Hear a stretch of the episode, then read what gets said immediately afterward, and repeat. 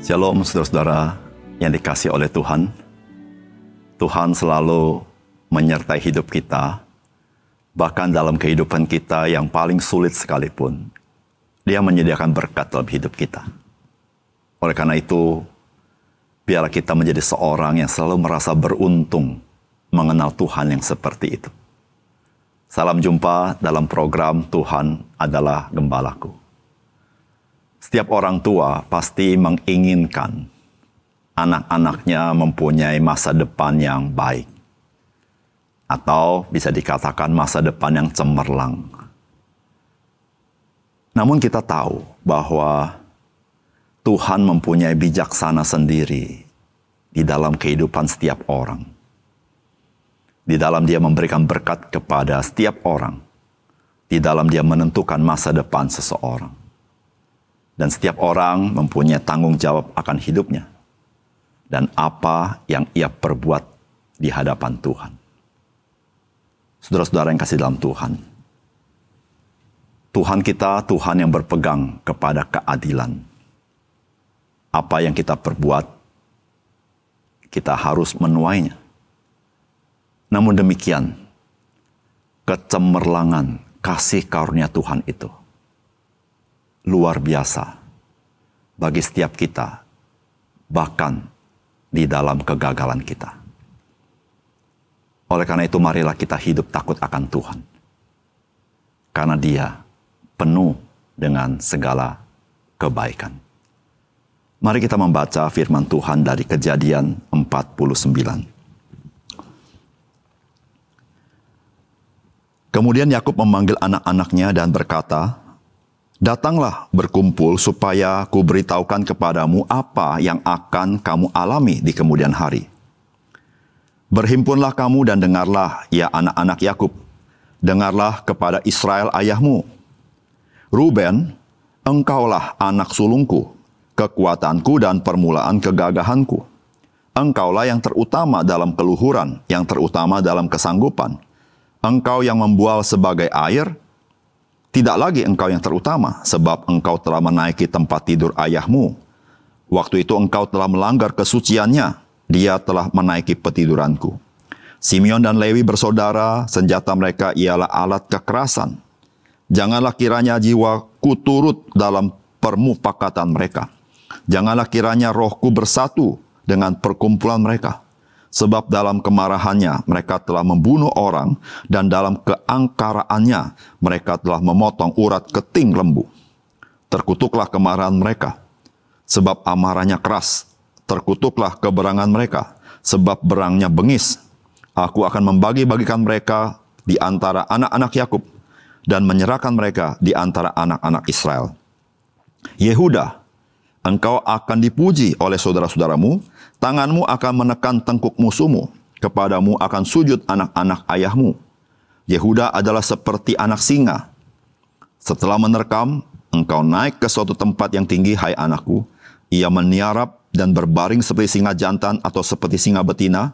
Siapakah yang berani membangunkannya? Tongkat kerajaan tidak akan beranjak dari Yehuda ataupun lambang pemerintahan dari antara kakinya sampai dia datang yang berhak atasnya maka kepadanya akan takluk bangsa-bangsa. Ia akan menambatkan keledainya pada pohon anggur dan anak keledainya pada pohon anggur pilihan. Ia akan mencuci pakaiannya dengan anggur dan bajunya dengan darah buah anggur. Matanya akan merah karena anggur dan giginya akan putih karena susu. Sebulon akan diam di tepi pantai laut. Ia akan menjadi pangkalan kapal dan batasnya akan bersisi dengan Sidon. Isakar adalah seperti keledai yang kuat tulangnya, yang meniarap di apit bebannya. Ketika dilihatnya bahwa perhentian itu baik dan negeri itu permai, maka disendengkannya lah bahunya untuk memikul, lalu menjadi budak Rodi. Adapun Dan, ia akan mengadili bangsanya sebagai salah satu suku Israel. Semoga Dan menjadi seperti ular di jalan, seperti ular beludak di denai, yang memagut tumit kuda, sehingga penunggangnya jatuh ke belakang. Aku menanti-nantikan keselamatan yang daripada Tuhan. Gad, ia akan diserang oleh gerombolan, tetapi ia akan menyerang tumit mereka. Asyir, makanannya akan limpah mewah, dan ia akan memberikan santapan raja-raja. Naftali adalah seperti rusa betina yang terlepas. Ia akan melahirkan anak-anak indah. Yusuf adalah seperti pohon buah-buahan yang muda, pohon buah-buahan yang muda pada mata air. Dahan-dahannya naik mengatasi tembok. Walaupun pemanah-pemanah telah mengusiknya, memanahnya, dan menyerbunya. Namun, panahnya tetap kokoh dan lengan kanannya tinggal lihat oleh pertolongan yang maha kuat, pelindung Yakub, oleh sebab gembalanya, gunung batu Israel, oleh Allah ayahmu yang akan menolong engkau, dan oleh Allah yang maha kuasa, yang akan memberkati engkau dengan berkat dari langit di atas, dengan berkat samudra raya yang letaknya di bawah, dengan berkat buah dada dan kandungan. Berkat ayahmu melebihi berkat gunung-gunung yang sejak dahulu, yakni yang paling sedap di bukit-bukit yang berabad-abad. Semuanya itu akan turun ke atas kepala Yusuf, ke atas batu kepala orang yang teristimewa di antara saudara-saudaranya. Benyamin adalah seperti serigala yang menerkam, pada waktu pagi ia memakan mangsanya, dan pada waktu petang ia membagi-bagi rampasannya. Itulah semuanya suku Israel, 12 jumlahnya. Dan itulah yang dikatakan ayahnya kepada mereka. Ketika ia memberkati mereka, tiap-tiap orang diberkatinya dengan berkat yang diuntukkan kepada mereka masing-masing. Kemudian berpesanlah Yakub kepada mereka, apabila aku nanti dikumpulkan kepada kaum leluhurku, Kuburkanlah aku di sisi nenek moyangku, dalam gua yang di ladang Efron, orang Het itu. Dalam gua yang di ladang Makpela, di sebelah timur Mamre, di tanah kanan. Ladang yang telah dibeli Abraham dari Efron, orang Het itu, untuk menjadi kuburan milik. Di situlah dikuburkan Abraham beserta Sarah istrinya, di situlah dikuburkan Ishak beserta Ribka istrinya, dan di situlah juga kukuburkan Lea. Ladang dengan gua yang ada di sana telah dibeli dari orang Het. Setelah Yakub selesai berpesan kepada anak-anaknya, ditariknyalah kakinya ke atas tempat berbaring, dan meninggallah ia.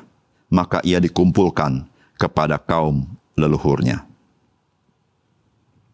Saudara yang dikasih oleh Tuhan, firman Tuhan yang kita baca hari ini adalah ucapan terakhir dari seorang Yakub yang sudah lanjut usia dan sedang sakit.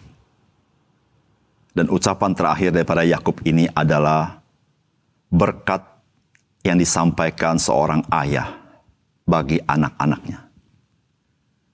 Namun, apa yang Yakub ucapkan bagi anak-anaknya bukan semata-mata berkat daripada ayah kepada anak-anak.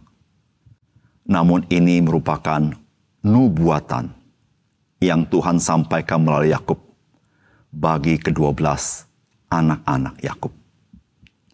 Saudara, apakah pesan firman Tuhan dari bagian firman Tuhan ini? Yang pertama, sebagai umat Tuhan, kita harus sadar bahwa perbuatan-perbuatan kita diperhitungkan oleh Tuhan. Perbuatan kita ada banyak namun ada perbuatan yang baik, ada perbuatan yang tidak baik. Ketika kita membaca bagaimana Yakub memberkati anak-anaknya, maka kita menyaksikan bahwa perbuatan anak-anaknya diperhitungkan oleh Tuhan. Baik perbuatan yang baik maupun perbuatan yang jahat. Sebagai contoh misalnya untuk Ruben, bagaimana dia tidak berlaku patut kepada istri daripada Yakub, yaitu papanya, yaitu kepada Bilha. Maka Ruben telah kehilangan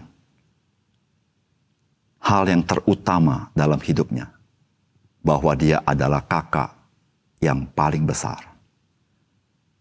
Itulah yang Yakub katakan, Ruben, engkaulah anak sulungku kekuatanku, dan permulaan kegagahanku. Engkau yang terutama dalam keluhuran, yang terutama dalam kesanggupan. Namun ayat 4 dikatakan, engkau yang membual sebagai air. Tidak lagi engkau yang terutama, sebab engkau telah menaiki tempat tidur ayahmu.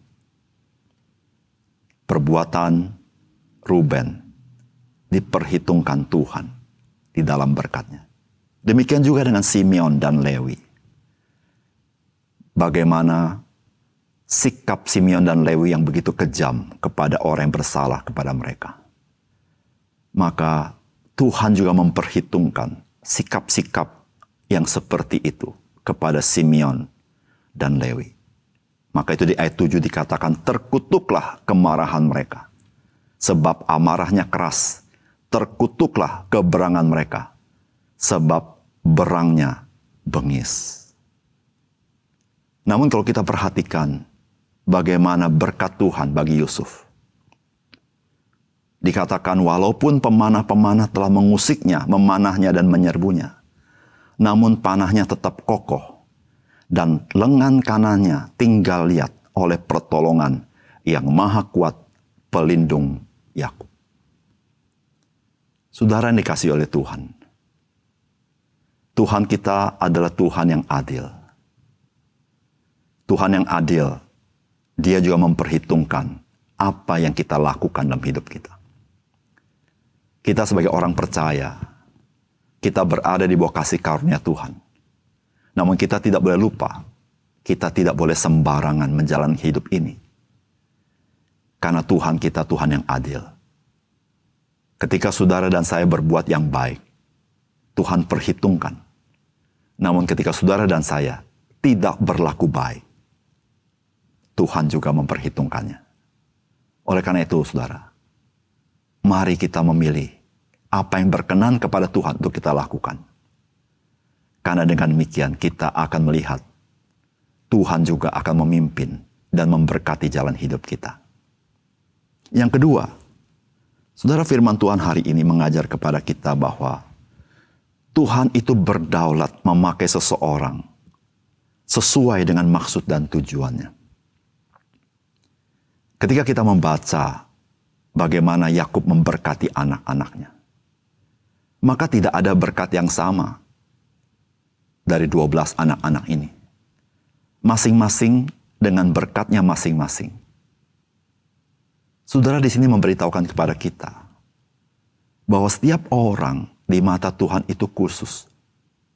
Meskipun dia seorang yang kembar, seorang yang mirip, tetapi Tuhan ada berkat yang khusus bagi mereka. Oleh karena itu, saudara, setiap kita ada maksud dan tujuan Tuhan dalam hidup kita. Oleh karena itu, kita tidak perlu membanding-bandingkan diri kita dengan orang lain, atau kita merasa iri hati dengan kelebihan orang lain. Namun, marilah kita menjadi orang-orang yang patut dipercaya oleh Tuhan, menjalankan kepercayaan Tuhan sebaik-baiknya, karena kita tahu ketika kita setia menjalankan maksud dan tujuan Tuhan, Dia tidak pernah mengecewakan kita. Dia akan memimpin kita, melimpahi kita dengan rahmatnya yang melampaui akal budi kita. Yang ketiga, saudara firman Tuhan hari ini memberitahukan kepada kita. Ada begitu banyak nubuat yang diucapkan oleh Yakub dan juga di dalam Alkitab. Namun nubuat tentang kedatangan Mesias itu menjadi benang merah dan merupakan rencana agung dan rencana kekal dari Allah. Yakub bernubuat untuk 12 anak-anaknya. Namun di antara seluruh nubuat yang ada, ada satu nubuat yang menjadi benang merah yang sangat penting di dalam sejarah kehidupan manusia. Karena itu adalah rencana keselamatan Allah di dalam Yesus Kristus. Yaitu ketika Yakub bernubuat mengenai Yehuda. Dikatakan seperti ini. Yehuda adalah seperti anak singa. Setelah menerkam engkau naik ke suatu tempat yang tinggi, hai anakku ia meniarap dan berbaring seperti singa jantan atau seperti singa betina. Siapakah yang memberani membangunkannya? Tongkat kerajaan tidak akan beranjak dari Yehuda ataupun lambang pemerintahan dari antara kakinya sampai dia datang yang berhak atasnya. Maka kepadanya akan takluk bangsa-bangsa. Apa yang dikatakan tentang Yehuda ke depan. Ini adalah nubuatan mengenai Mesias, yaitu Yesus Kristus. Itu yang dikatakan di dalam kitab Wahyu pasal 11 ayat 15. Lalu malaikat yang ketujuh meniup sangkakalanya dan terdengarlah suara-suara nyaring di dalam sorga katanya. Pemerintahan atas dunia dipegang oleh Tuhan kita dan dia yang diurapinya. Dan ia akan memerintah sebagai raja sampai selama-lamanya. Apa yang dikatakan Yakub adalah kitab pertama di dalam Alkitab. Namun apa yang dikatakan malaikat ini adalah kitab terakhir dari Alkitab. Semuanya mengarah kepada Yesus Kristus. Di mana kerajaan Mesias itu kerajaan yang kekal, yang tidak dapat diganggu gugat oleh siapa pun. Karena dia adalah Allah itu sendiri. Saudara yang kasih dalam Tuhan, Jikalau kita menerima kerajaan yang tidak tergoncangkan itu, yaitu kerajaan Allah, di mana Kristus bertahta di atasnya. Maka marilah kita hidup bagi dia. Marilah kita hidup menyenangkan dia. Marilah kita hidup berpusat kepadanya. Karena kita tahu, dia Tuhan yang mulia. Dan satu kali kita yang percaya mengalami kemuliaannya. Bahkan kita diubahkan menjadi sama seperti dia. Mari kita berdoa. Bapak di surga terima kasih karena firmanmu begitu jelas bagaimana Tuhan engkau punya maksud dan tujuan kepada setiap orang. Sehingga ya Tuhan setiap kami menjadi begitu spesial di mata Tuhan. Tapi Tuhan selalu ingatkan kami bahwa Tuhan juga penuh dengan kasih karunia. Namun Tuhan juga adil. Engkau memperhitungkan setiap perbuatan dan tindakan kami sebagai orang percaya. Sehingga ya Tuhan kami sungguh-sungguh bertanggung jawab untuk apa yang kami lakukan. Sehingga itulah yang mendorong kami untuk hidup bagi Engkau. Karena Tuhan, Engkaulah yang bertata di atas segala sesuatu bahkan kami akan melihat kemuliaan-Mu dan mengalami kemuliaan-Mu. Ajar kami ya Tuhan, selalu rindu menyenangkan hati Tuhan dalam hidup kami. Dan seumur hidup kami berada di dalam tangan-Mu. Di dalam nama Tuhan Yesus kami berdoa. Amin.